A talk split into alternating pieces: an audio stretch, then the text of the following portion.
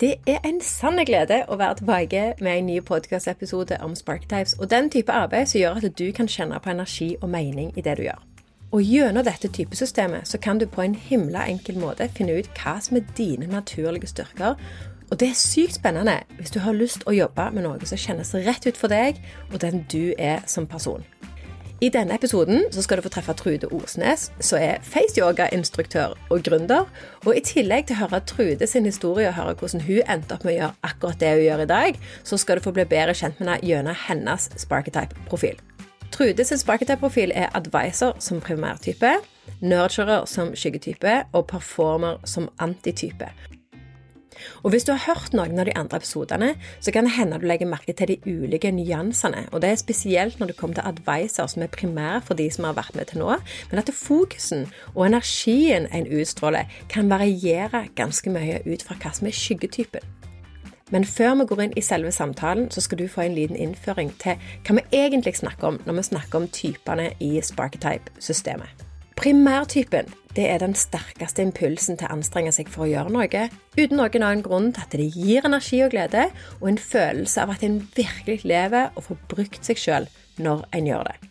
Dette er på en måte en slags underliggende drivkraft, og er det som er den mest effektive og klareste tilgangen til flyt, energi, entusiasme, mening og hensikt, og en opplevelse av at en gjør noe en føler at en er meint til å gjøre.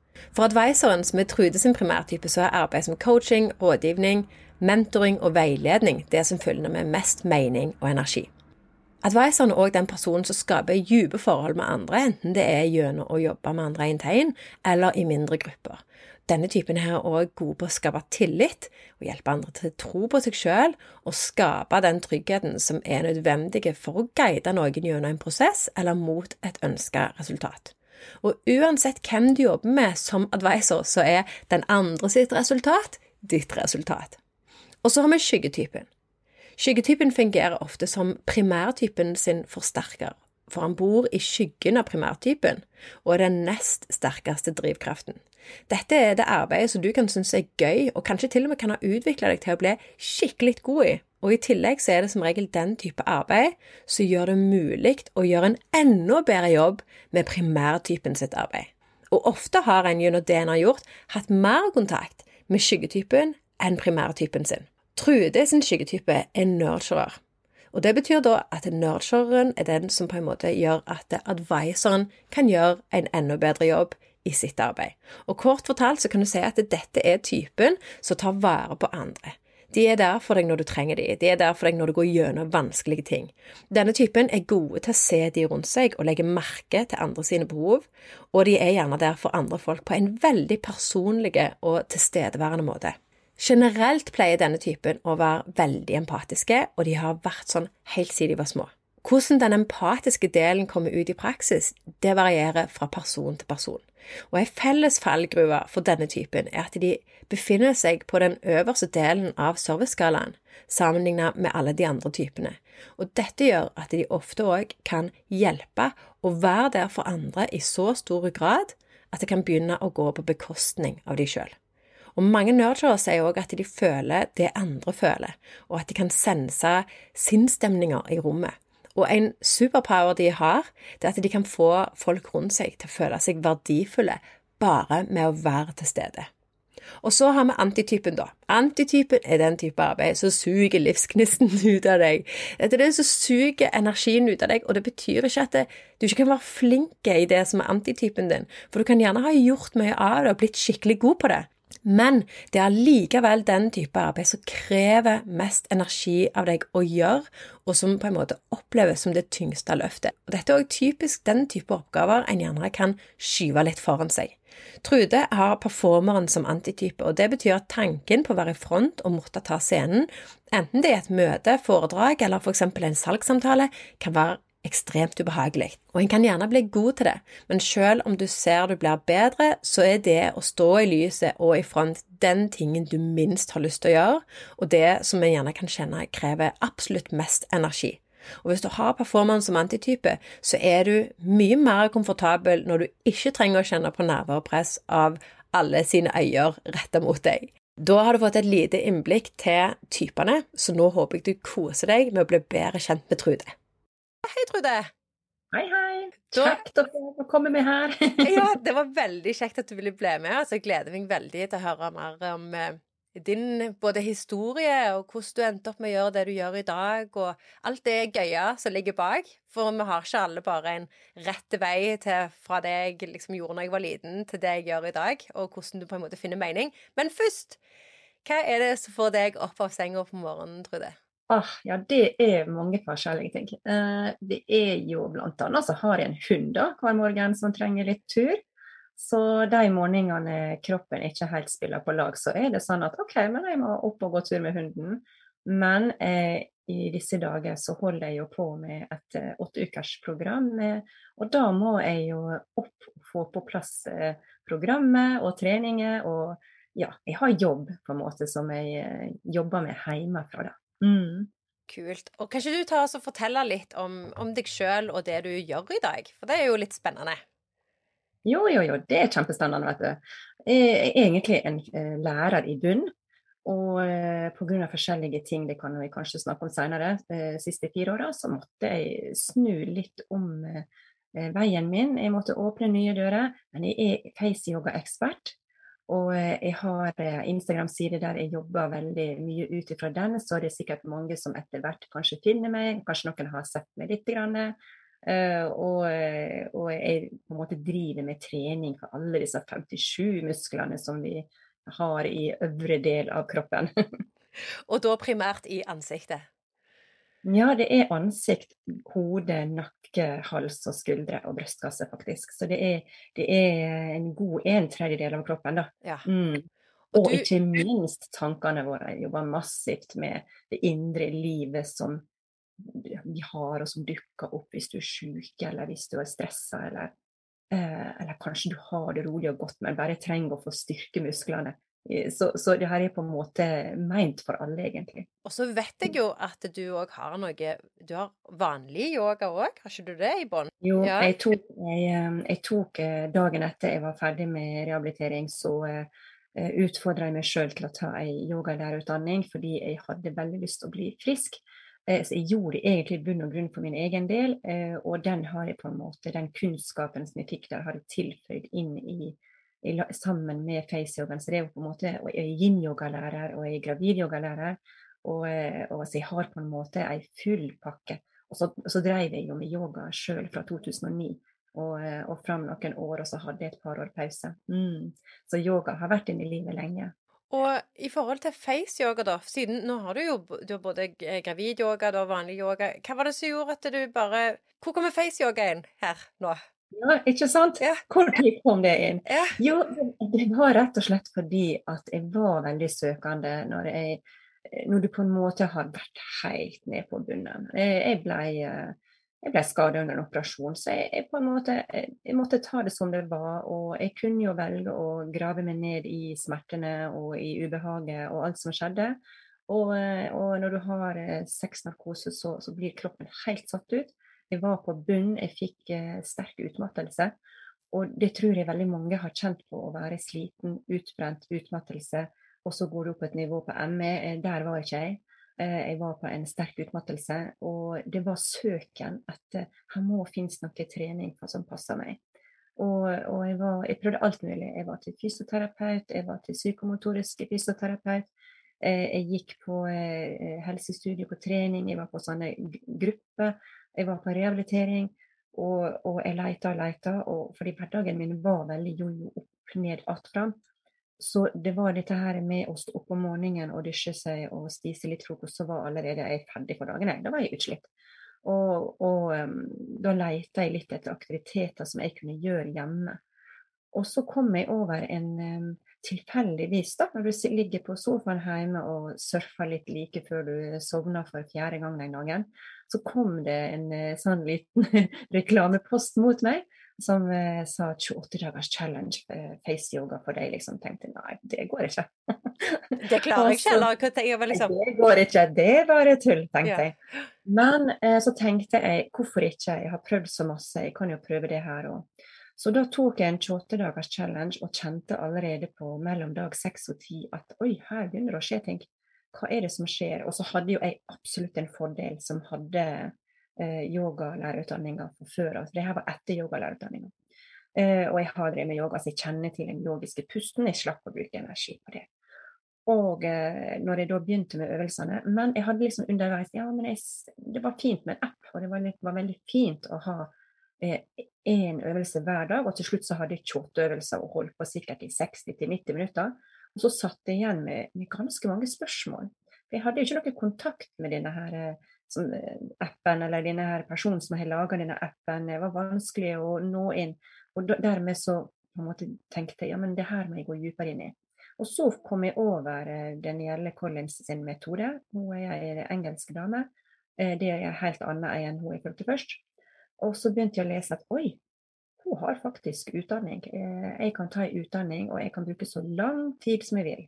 Så jeg kjøpte den utdanninga, og jeg kunne velge om jeg vil bruke ti år på den, eller ti måneder eller ti dager. Det har blitt for kort, da. Men si i hvert fall tre måneder, da. Og så var det at hun hadde en historie som traff meg veldig at hun hadde utmattelse da hun var 18-19-20 år. Og jeg kjente meg sånn igjen i historien til henne. Og hun begynte med bitte, bitte, bitte små steg hver dag. Begynte å jobbe med pusten. Begynte å ta det glasset vannet for dag. Og så har jeg jo tatt uh, utallige sånne kostholds-online-kurs uh, med andre gründere. Og, uh, så, så faceyoga alene er ikke nok. Det må jeg være bunnærlig på. Men det har det som har hjulpet meg å få tilbake konsentrasjon. Og jeg, jeg ufullstendige setninger. Så denne samtalen her, nettet hadde ikke vi kunnet hatt for tre år siden. Spennende. Men hvordan, jeg hadde ikke hengt med i kanalene. Nei, du henger veldig godt med nå, så kjekk. ja, ja, ja. ja. Og, og, det handler jo om å ta vare på det indre livet. For jeg, jeg har jo dette her programmet mitt, det som skjer på innsida, gløder til utsida. Og jeg skal love deg at det var jeg, det var ikke glødende på min utside. Jeg hadde hovne øyelokk, jeg hadde mørke ringer under øynene, jeg hadde hovne kinn. Jeg hadde vondt i brystkassa, det var vondt å puste, det var vondt å sove. Altså, det var så masse smerte så jeg ikke skjønte hvor det kom fra. Og, og, eh, og, eh, det fikk jeg bukt på. Og det er det jeg vil vise til andre, at selv om kanskje du er 80 kg i overvekt For min vekt den bang for i taket. Hormonene tjoff. Det, det, var så masse som skjedde i kroppen min som jeg ikke klarte å sette ord på. Og, men det, som jeg sier, det er facejobb alene er ikke nok. Du må på en måte jobbe, men du kan ikke ta alle elementer. Du kan på en måte ikke ta kosthold, trening eh, og søvn og, og, og, kjærlighet og alt på samme tid. Du, du, må begynne en plass. Du må begynne med å gi nære deg sjøl først. Mm. Ta på deg denne her, eh, maska og få nok oksygen før du begynner å hjelpe andre med de grepene som du gjorde, og jeg føler jeg snakker med noen så sykt ofte så har en eller annen form for utmattelse. Bare tenker, altså for, for, mange så er det, er det, gjerne ikke et konkret opphav engang. Sant? Og så, selvfølgelig snakker vi så mange som er i den posisjonen. Men hvis du da skulle si hva, liksom, hva er det spesifikt med face-yoga som har gjort den endringen for deg? Eh, om det er en, en liten detalj der som liksom, kan være switchen. Hva tror du det handler om? Jeg tror det handler veldig masse om å, å ta seg tid til seg sjøl. Ja. Og så det på en måte Det er litt vanskelig å bare si én bitte liten ting, fordi du må bli deg sjøl bevisst. Hvorfor er du utbrent? Hvorfor er du sliten? Og når du finner på en måte, går inn i deg sjøl og finner denne årsaken, denne grunnen til det er på en måte en begynnelse. Og så må man tørre å prøve. Det er liksom denne bevisstgjøringa. Hva kan jeg gjøre for å få et bedre liv? For, for, det var det jeg stilte meg. Det spørsmålet stilte jeg meg mange ganger når jeg lå på rygg og jeg var operert tre ganger på åtte dager. Og jeg var så langt nede, og jeg fikk beskjed med, kirurgen kirurger at du har lov å løfte ett kilo første tre uker. Eller ett kilo, hva er det? Det er jo ingenting. Eh, du har lov å løfte tre kilo de neste seks ukene, og så skal vi øke på til ti kilo de neste tre månedene. Tre måneder er du ja. Det, det kan jo få deg til å stupe, bare det. Ja. Så det har jeg lært meg, at jeg må stille mindre krav til meg sjøl og de rundt meg. Og, ja. ja. og apropos krav til deg sjøl. Vi har jo òg den her nurturen som ligger som din eh, skyggetype etter advisoren. Ja. Og så lurer jeg veldig på hvordan er det den dukker opp i hverdagen? For den har jo mye mer et på en måte ytre fokus på mm. andre, mm. og kan da slite litt med å ta vare på den kanskje den viktigste, og det er som du sier, med å ta på deg maska sjøl. Ja. Og den, og den uh, den, den, kjenner jeg meg sånn igjen i. Uh, det har alltid vært sånn at jeg har, at jeg har vært god på å hjelpe andre og, og, og finne løsninger og stille opp. Og, altså, hold dere fast, jeg sto jo bare fem-seks måneder etter seks narkose med stomi på Den hadde jeg bare midlertidig stomi på posen og organiserte dugnad for, for skoleklasser til eh, dattera mi som skulle på skoletur. Så denne her den kommer fram. Men jeg, jeg visste liksom ja, ja, vi skal organisere loppemarked. Denne klassen skal på tur. Og det eneste jeg kunne gjøre, det var å sitte og bruke fingrene og datamaskiner og Facebook. Jeg jobba jo hjemmefra. og, og jeg delegerte og organiserte, og jeg elsker det! fantastisk. Så du fant liksom en måte å bidra på, da? Skoleplan og peker til alle. Ja, jeg kommer en lastebil med noen ting der, og du kan hente den sofaen der, og du kan gjøre det. Og så til slutt så samler jeg alle sammen. Beklager, jeg kan ikke løfte en kasse sjøl fordi jeg har. Og så fortalte jeg litt til noen rundt meg, og what? Men det er liksom slik, det var på en måte slik hodet fikk overleve litt også, at jeg fikk flytte fokus fra å slutte opp og synes synd i det sjøl til å kikke litt utover og, og gjøre noe fornuftig. Ja, og den mekanismen har vært der hele tida. og når du da kommer til liksom uttrykket da, av denne typen hvordan, sånn For jeg vet jo der at du har dette med familie, sant? At den, ja.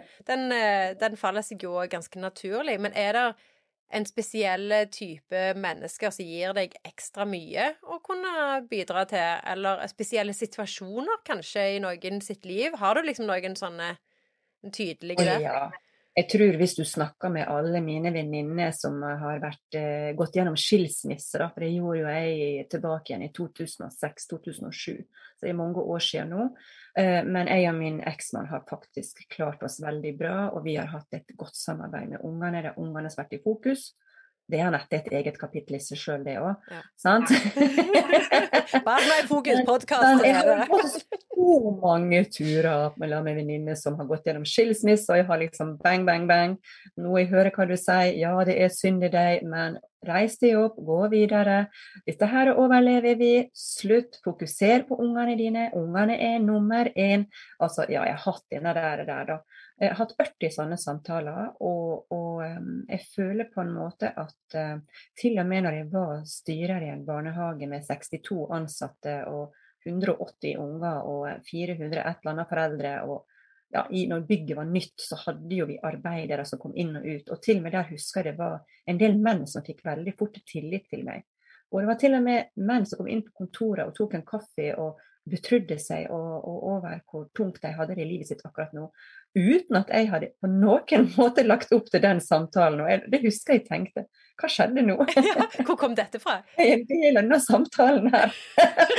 Men så var det veldig godt òg, for jeg satt jo bare og lytta, og så ga jeg spurte er du ute til råd, eller er du ute bare etter å snakke ut. Og nei, egentlig bare å snakke ut, for det var så vanskelig på en mannsdominerende arbeidsplass å snakke ut. For han sa du skal være klar over menn slarver skikkelig. Ah, så interessant å høre. Det trodde ikke jeg. Og det var litt spennende samtale. Ja, jeg har mange sånne samtaler. Og så har jeg alltid vært veldig glad i hjelpearbeid. Mm. Og når du sier hjelpearbeid, hva mener du da spesifikt? Jeg har vært med på hjelpearbeid. Jeg har vært i San Diego, vi var på et kurs, jeg og mannen min, og da var vi med og bygde opp eh, eh ti meksikanske hus som var sånn vertikaldelte. Vi, vi lagde altså vi, vi grunna og mala og lagde og pakka det på eh, lastebiler som suste av gårde inn til Mexico og bygde Det var dessverre synd, for det var svineinfluensa den gangen i 2009. Så vi fikk ikke bli med. Vi skulle egentlig komme i en buss etterpå og hjelpe å sette opp huset og se disse fattige meksikanske ti meksikanske familier som skulle få sin ny bolig hus, vegg, interiør og alt. Det, det, har jeg vært så lei meg for i mange år at jeg ikke fikk med meg det. Men jeg har også hjelp til lokalt. Jeg hjelper venninner som sliter med forskjellig. Jeg hjelper familie. Jeg har en syrerfamilie på ja, det er vel to, to voksne og uh, åtte barn uh, i alder uh, ja, ti måneder og opp til 23 år. Jeg har hjulpet dem masse, og jeg elsker det. ja. Mm. Klarer du, er det, Hvordan er det for deg da med balansen her? Um, balanse Trude, balanse hjelpe andre? Ja, altså, jeg skal si det, det, det har vært det positive med disse fire sykdomsårene jeg har hatt, det er at jeg har lært meg å distansere meg. Jeg har lært meg å legge vekk mobil, og så har jeg eh, jobba veldig med den mentale styrka.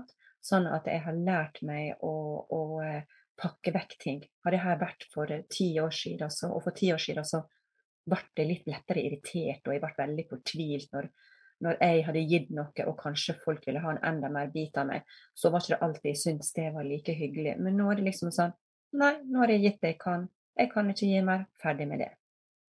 Sånn, jeg har blitt mye flinkere å regulere, men det er klart jeg kan bli sliten nå òg. Eh, men jeg tenker ikke at jeg er sliten. Jeg tenker bare at du har et valg. Nå må du velge. Skal du si ja, eller skal du si nei? Så jeg har jobba masse med mentalstyrka mi, spesielt de siste to åra. Og det vil jeg anbefale alle å gjøre. At hvis du er en sånn eh, type som bare gir og gir og gir Ja, jeg kan gjøre det her, og bla, bla, bla. Ingen problem. Og så sitter du egentlig gråtkvalt når kvelden kommer fordi at hvorfor sa jeg ja igjen? Ja. Så, så, så, du må lære å si nei. Eh, og så må du finne ut hva som gir næring.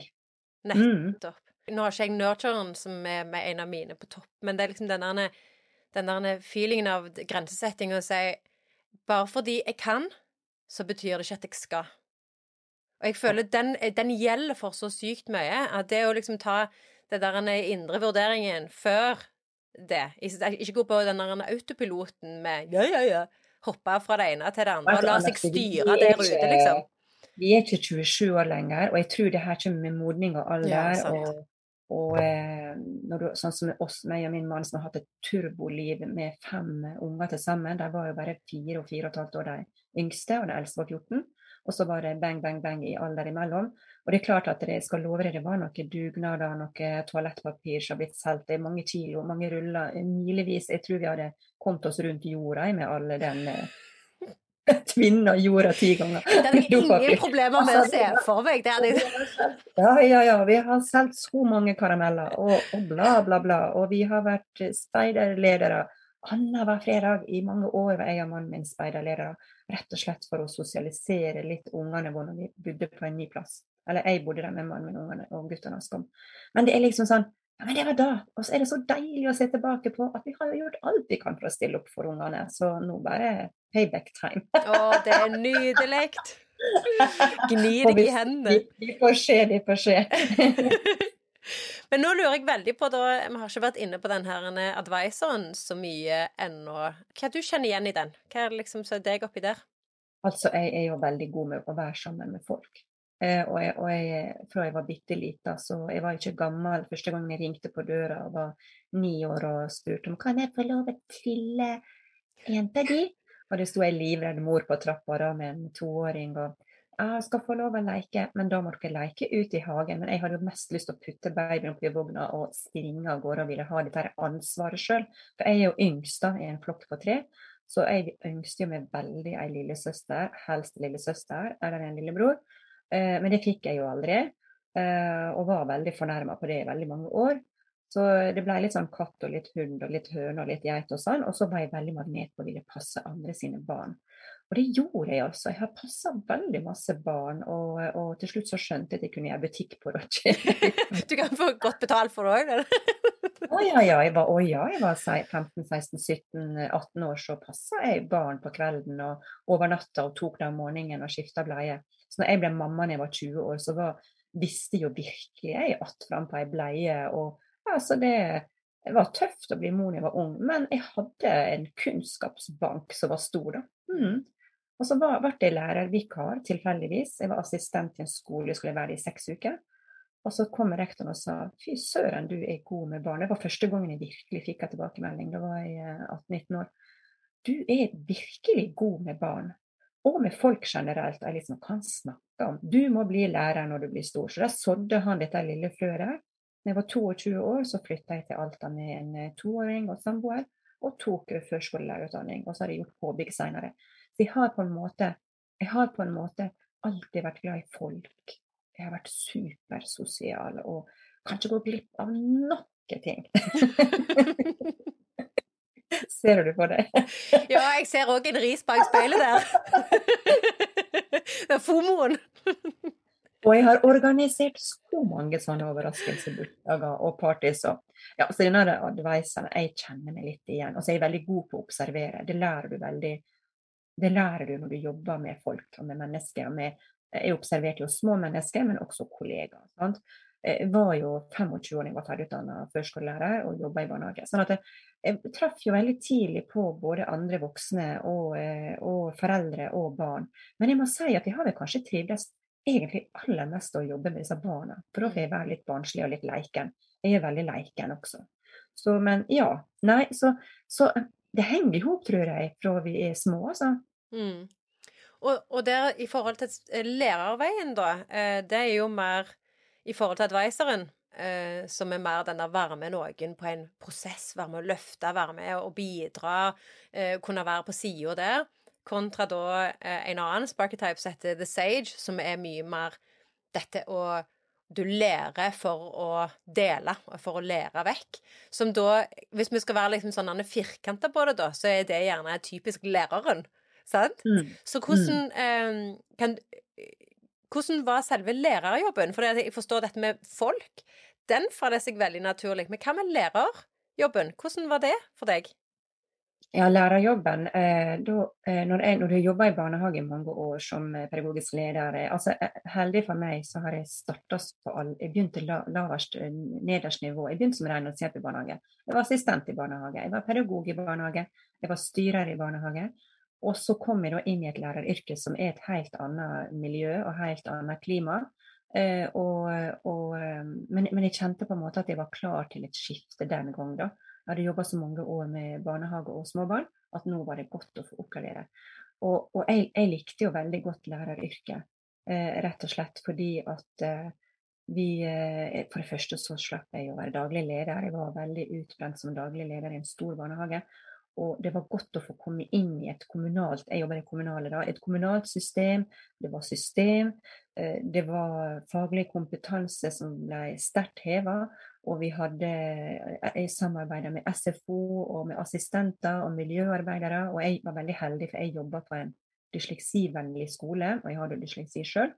Sånn at jeg var ganske snask og snar på å hjelpe disse her små ungene i første klasse. Jeg skjønte ganske fort Eh, jeg trengte egentlig ikke å ta så grusomt mange tester, fordi jeg har en datter som har dysleksi, og jeg har dysleksi sjøl. Så det å gå inn og kunne hjelpe, og så det å jobbe tett opp mot foreldre med veiledning, det er noe alltid likt. For der kommer adviseren inn? Yes, han gjør det, vet du. Mm. Og det har jeg sett nå, når jeg har uh, fått tilsendt uh, disse typene mine, så kjenner jeg meg veldig igjen i typene, og det syns jeg er veldig spennende.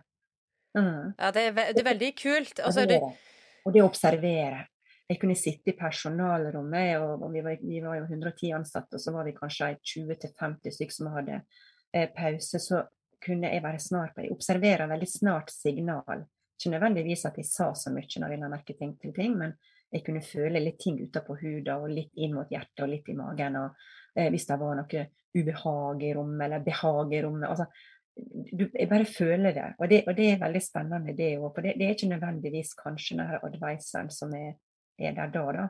Det er vel mer eh, litt andre typer igjen. Jo, det, mm. det, er på en måte det, men det er nesten mer skillsa til en advisor, føler jeg, um, i, i, forhold til sånn typen er satt opp, da, at, det, at eh, den man gjerne da ser på at er, Man kan gjerne gå fra selve rådgivningsposisjonen men de aller flinkeste er gjerne de som har på en måte denne kine Det, det øyet, sant? Det der en eh, ser forandringene, ser skiftet, observasjonsevnen.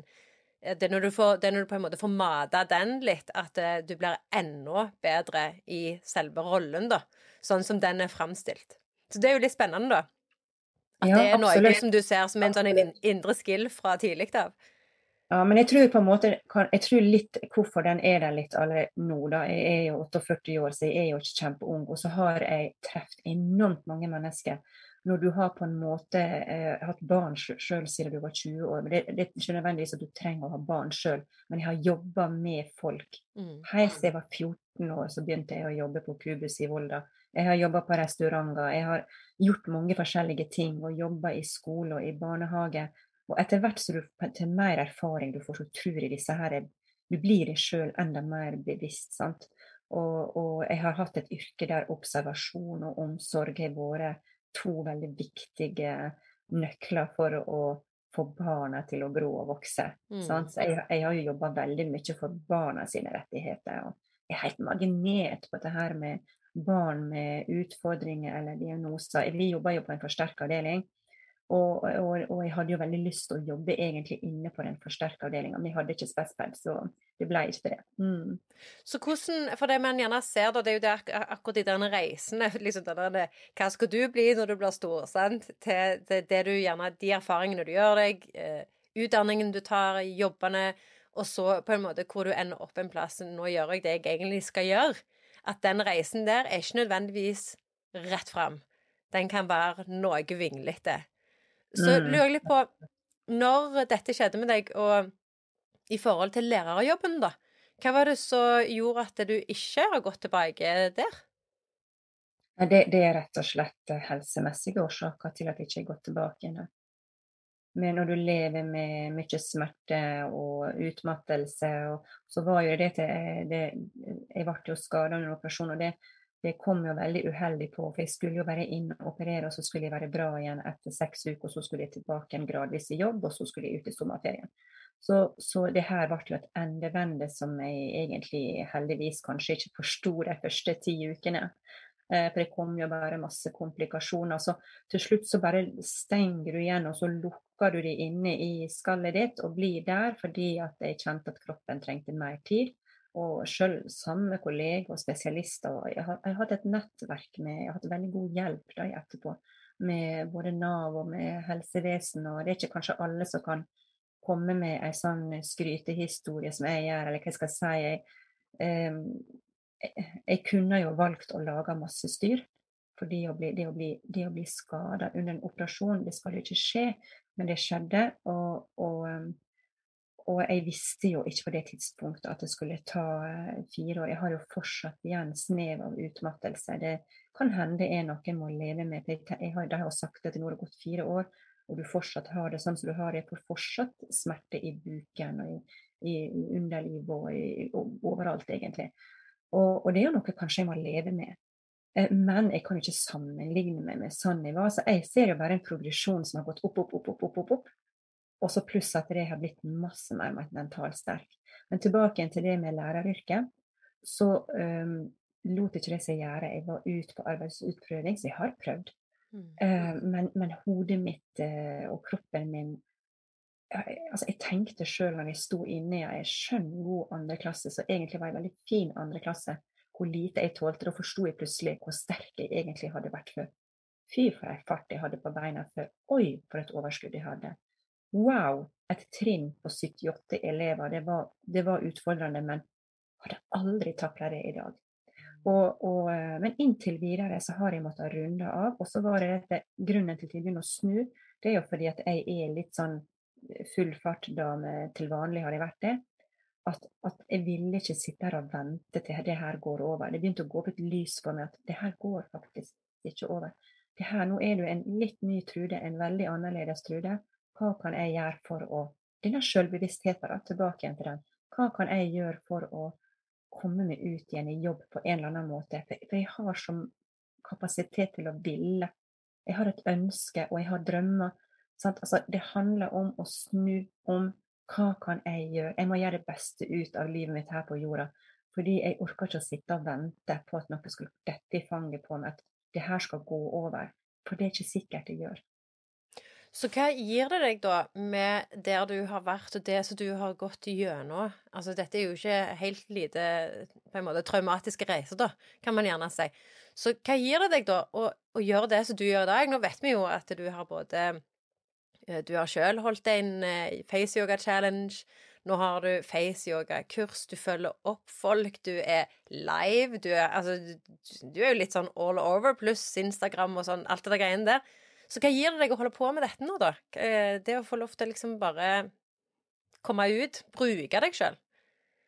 Ja, det er fantastisk.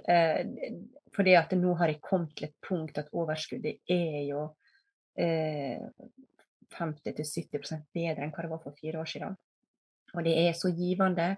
Jeg kjenner at jeg gjør noe som er nyttig, og jeg, jeg tror det at uansett hva du gjør, sant, om du sitter i stolen din nå og tenker 'hvordan kan jeg komme meg ut igjen i jobb'? Jeg også har vært syk lenge. Hvis du sitter og tenker det, OK, hva er du god til, hva er du flink til, hva gir deg energi? OK, hvis du liker å sitte og strikke gensere til andre, jeg har en venninne som er kronisk syk.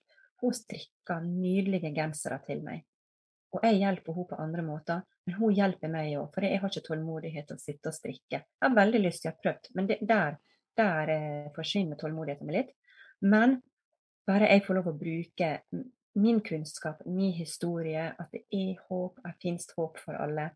Og jeg ser jo nå når jeg gjør det programmet mitt, så har jeg fått så mange nydelige e-poster tilbake igjen der andre kvinner deler sine såreste historier. Og da kjenner jo jeg at jeg har jo det egentlig bra. Ja. Guri malla, jeg har det egentlig bra. Og tenk at disse kvinnene stoler på meg og deler sine historier med meg. Jeg, altså, jeg sitter jo og gråter når jeg leser e-postene, fordi det er så rørende. Og det er mennesker som trenger hjelp, støtte, bli hørt, bli forstått. Og så har jeg også eh, folk som fyller programmet nå, som kjenner at de kjenner det som akkurat den erfaringa jeg hadde. Guri, nå begynner det å skje ting på innsida mi. Ja, det er der det starter. Det starter på de innsider, og nå vil jeg gi deg en hjelpende hånd. Sant? Det er det det handler om. Jeg er en hjelper. Jeg er en uh, omsorgsperson. Jeg ønsker å støtte. Jeg ønsker å gi næring. Jeg ønsker å løfte. Og jeg ønsker at alle skal få lov til å begynne på én liten mikroplass den lille millimeteren, om du vil. Vi har tid. Vi ja. har. ja, det er løye med det. Vi har tid til det vi vil ha tid til. Eh, men hvordan kan du se noe hvordan disse to typene henger sammen? Du har, sant vel, du har denne hjelpende hånd, omsorgen, alt det som bor i deg, sant vel? Med, å, med den tilstedeværelsen du har når du er sammen med andre, som er nurturen, sant? Og så mm. har du advisoren, som er litt den der varme noen på en prosess. Det å få lov til å støtte noen, være sidekicken til noen, dra det gjennom noe, bruke deg sjøl til å hjelpe folk å gjennom noen. Hvordan eh, forsterker de hverandre på noen måte, eller klarer du å se hvordan de henger sammen, hvordan de er linka? Ja, eh, altså jeg, jeg, tenkte når jeg på en måte gikk igjennom dette her med både advisor og Nurtura, at eh, jeg kjente jo meg egentlig veldig godt igjen i begge to, på en måte. Da. At de henger jo veldig sammen, da. Eh, for eh, på en måte Ja, nå jobber jeg mest som coach her, og det er på en måte en litt annen måte enn å være lærer. Og, og en coacher skal jo på en måte er jo helsecoachutdanna.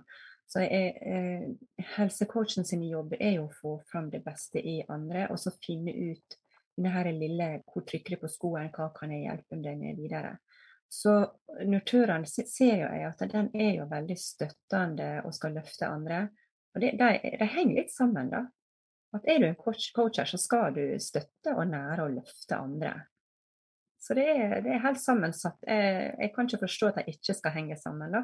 nei, nei. Men det, det, er litt kult å høre hvordan så vel for det at det, der er jo, der er jo veldig mange forskjellige mikser her, sant vel? For jeg har jo advisoren, og så har jeg Maven. Eh, og de òg har jo sin connection, sant. Den ene det å lære jeg, jeg, lærer for å bruke det i forbindelse med advisor-rollen, sant vel? Eh, så de to nærer hverandre, og så er det akkurat sånn som dine òg. Altså for ditt bilde av verden så er det støtte og løfte og hjelpe og, og være der for noen. Veldig kult. Og så lurer jeg litt på, for vi har jo den her Var ikke det performer du hadde på Anti? Jo, jo jeg hadde performer, og den kjenner jeg med sånn eh, Den er 50-50. Den, den, den performeren, den Jeg liker jo veldig godt dette her med å overraske andre.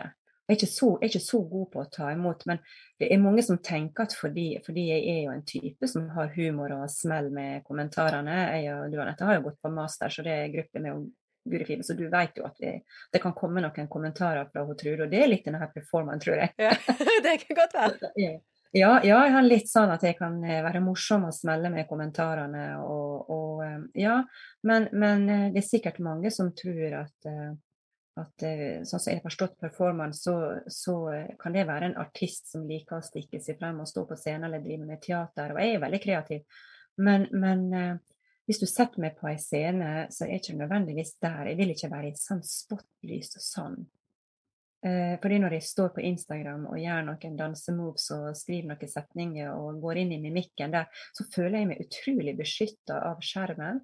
Fordi at jeg ser jo ikke publikummet mitt. Men hadde alle disse her snart 1000 stykk som er på lista mi, eh, stått fram av meg og så gjort akkurat det samme, så hadde jeg nok ikke klart det. Nei, for det er jo store forskjell. Det er jo òg det med å kunne Altså, vi vet at vi må gjøre en del sånn type arbeid som er en del av jobben, og det tror jeg ikke forsvinner for noen, enten du er ansatt eller du er gründer. For no, det er noen deler av jobben som gjerne tapper inn i akkurat det der antitypen.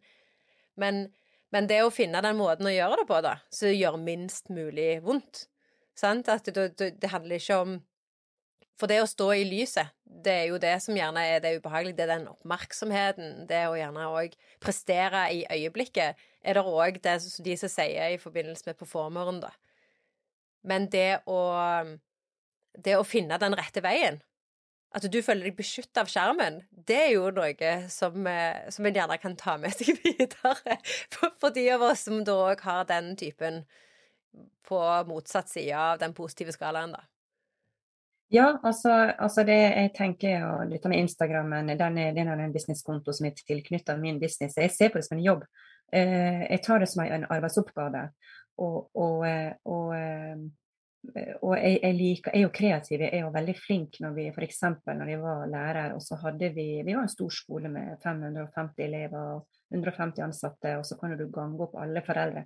Så når vi hadde forskjellige sånne forestillinger, så var jeg veldig snar på mitt trinn å ta tak og, og da organisere hele kulisset og eh, hva temaet skulle være og ja, sant. Og, og, eh, kunne sitte på kne framfor hele vårt trinn da, med, med publikum i ryggen, det passet meg veldig bra.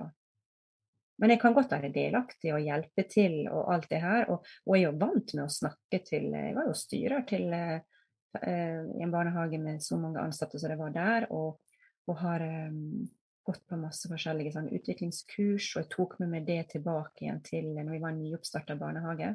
Så, så um, hadde vi planleggingsdager. Og når jeg er trygg på det jeg skal si, for det tror jeg er en nøkkel for meg, at jeg må være trygg på at det som jeg skal si nå, det, det er nyttig for de som hører på. Uh, og jeg har jo en egenskap til å fylle rommet.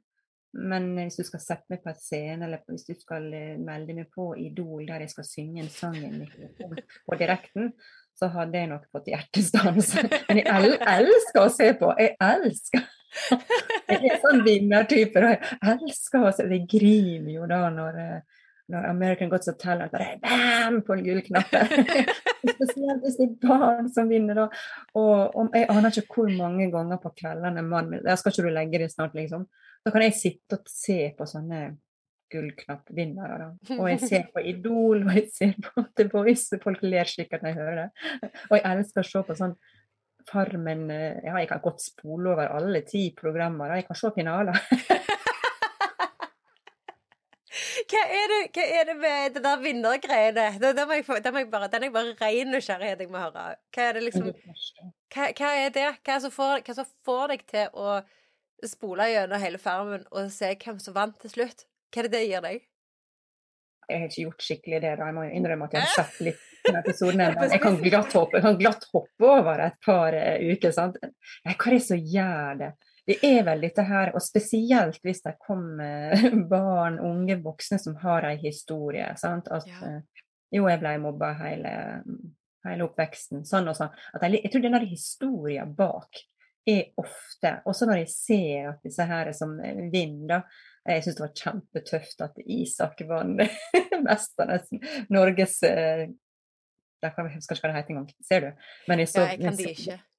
Jeg så alle de første gangen han vant der. Sånn, jeg elsker sånn at en sånn smart type som eh, er lur og og så spiller han egentlig taktikk. da, En utrolig sjarmerende type. Så vant han Farmen, sånn kjendisfarmen. Altså, det, er sånn, det er sånn gøy. At det ligger historie bak. Du kjenner litt personen fra før av. Men jeg kan også bare gå inn og kikke på American Got a Talent f.eks. Og så ser jeg dette lille barnet da som vinner, og så har jeg fått med meg litt denne historien. Mm. Har det noe med kontakt å gjøre? Kanskje. Eller, jeg hadde egentlig kanskje lyst til å være en vinner sjøl. For jeg husker jo da jeg var barn at jeg hadde lyst til å bli god til noe, men jeg følte meg aldri god til noe. Jeg var et barn som ikke hadde så veldig god selvtillit. men, men jeg, jeg, smilte mye og jeg hadde god humor, så jeg, jeg vant jo hjertet til alle lærere. Men det står i alle kommentarer på barneskolen at jeg tror det er en snill og grei jente, men eh, jeg kan være litt sånn ukonsentrert og prate. Tenk at jeg ble lærer. Og det er jo bare urkoselig. Det gir oss håp. Én eh, ting.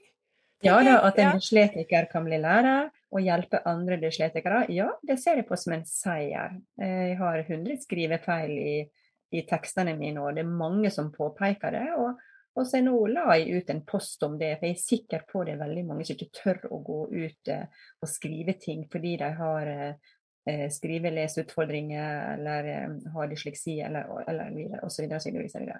Så, så, det skal ikke du være redd for. Det er en del av identiteten min, tenker jeg. Og, og jeg ler jo sjøl, f.eks. At jeg kan skrive 'ta vare på huden din', og så står det 'ta vare på hunden din'.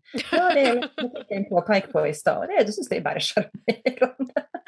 og det er deilig. Du har jo reframen, da. Så du har gjort den om til noe annet. Det som på en måte var utgangspunktet feil i hermetegn blir sjarmerende. Det er fantastisk. Jeg, klarer ikke å se det, vet du. Jeg kan, jeg kan, sitte og lese tekstene ti ganger, og jeg ser det ikke. Og så publiserer jeg, og så ser jeg etterpå. Vent litt. Hæ? Igjen? Klarte jeg Altså, denne feilen er så stor at jeg må rette opp. Som jeg sletter innlegget. Det gjorde jeg her. Da sletta jeg tre ganger, og, og Instagram liker jo ikke det. Da blir du på grensa til kasta ut, da, hvis du driver sånn og sletter og rydder feeden din og, og sletter poster. Det er ikke populært. Å oh nei, det har du funnet ut. Jeg skriver skrive den mailen og si 'hallo, hjelp', har dysleksi. og er litt perfeksjonist. ja, veldig, veldig. Ja. veldig. Men vi får jo kommentarer på det. Ja. Nei, men jeg, har, jeg, helt ærlig, jeg, jeg, er jo med på det kurset ditt. Uh, og, men nå har jeg Jeg har veldig øyer for de, for det var én ting jeg kan si. Uh, jeg er sikker på at du hadde godt innhold når du skrev sammen. Mm. At, det, at det er mm. gode historier og sånn. Der er det jeg da stikk motsatt. Jeg har liksom ingen innhold. Det er, finnes intet innhold. Men jeg skriver det veldig rett. Så jeg legger, jeg legger jo veldig godt merke til sånne ting, for det er det øyet jeg har. Så det er også forskjellige styrker, tenker jeg.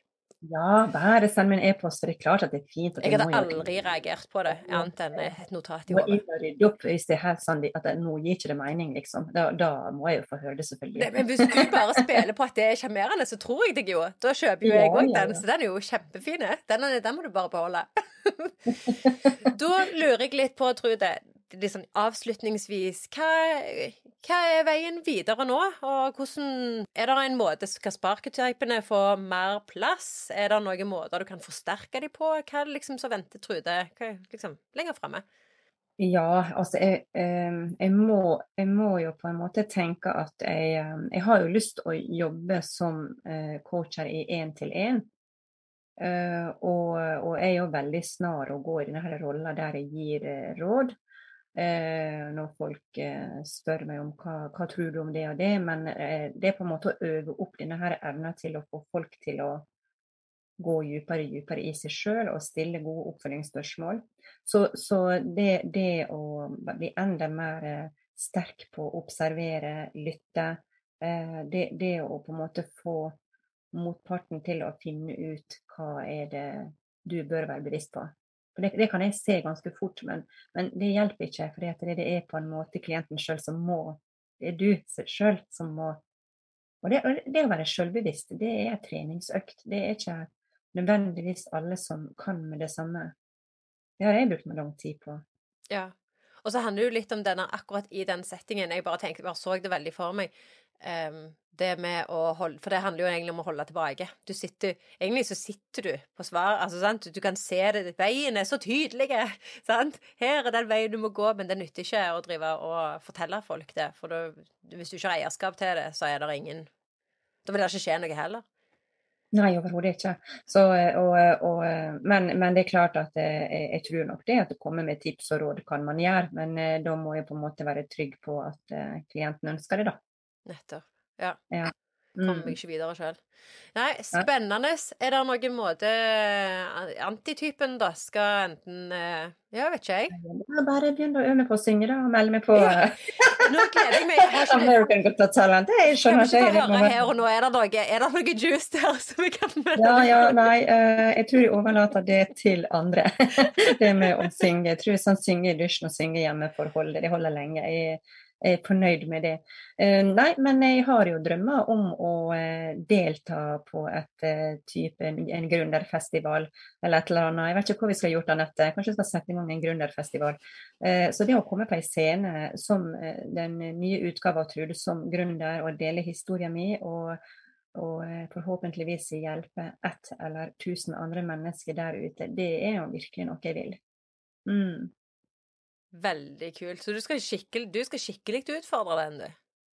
Ja, jeg har nødt til det. Jeg er nødt til å utfordre meg å gå mer live på Instagram. Nå har jeg sagt det så alle hører på. Uh, sånn at det, uh, folk blir enda mer kjent med meg.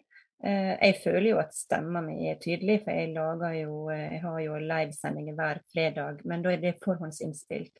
Så jeg må på en måte tørre å performe på en måte live. Det er jo det som er performer, det å gå ut og vise sånn er akkurat nå.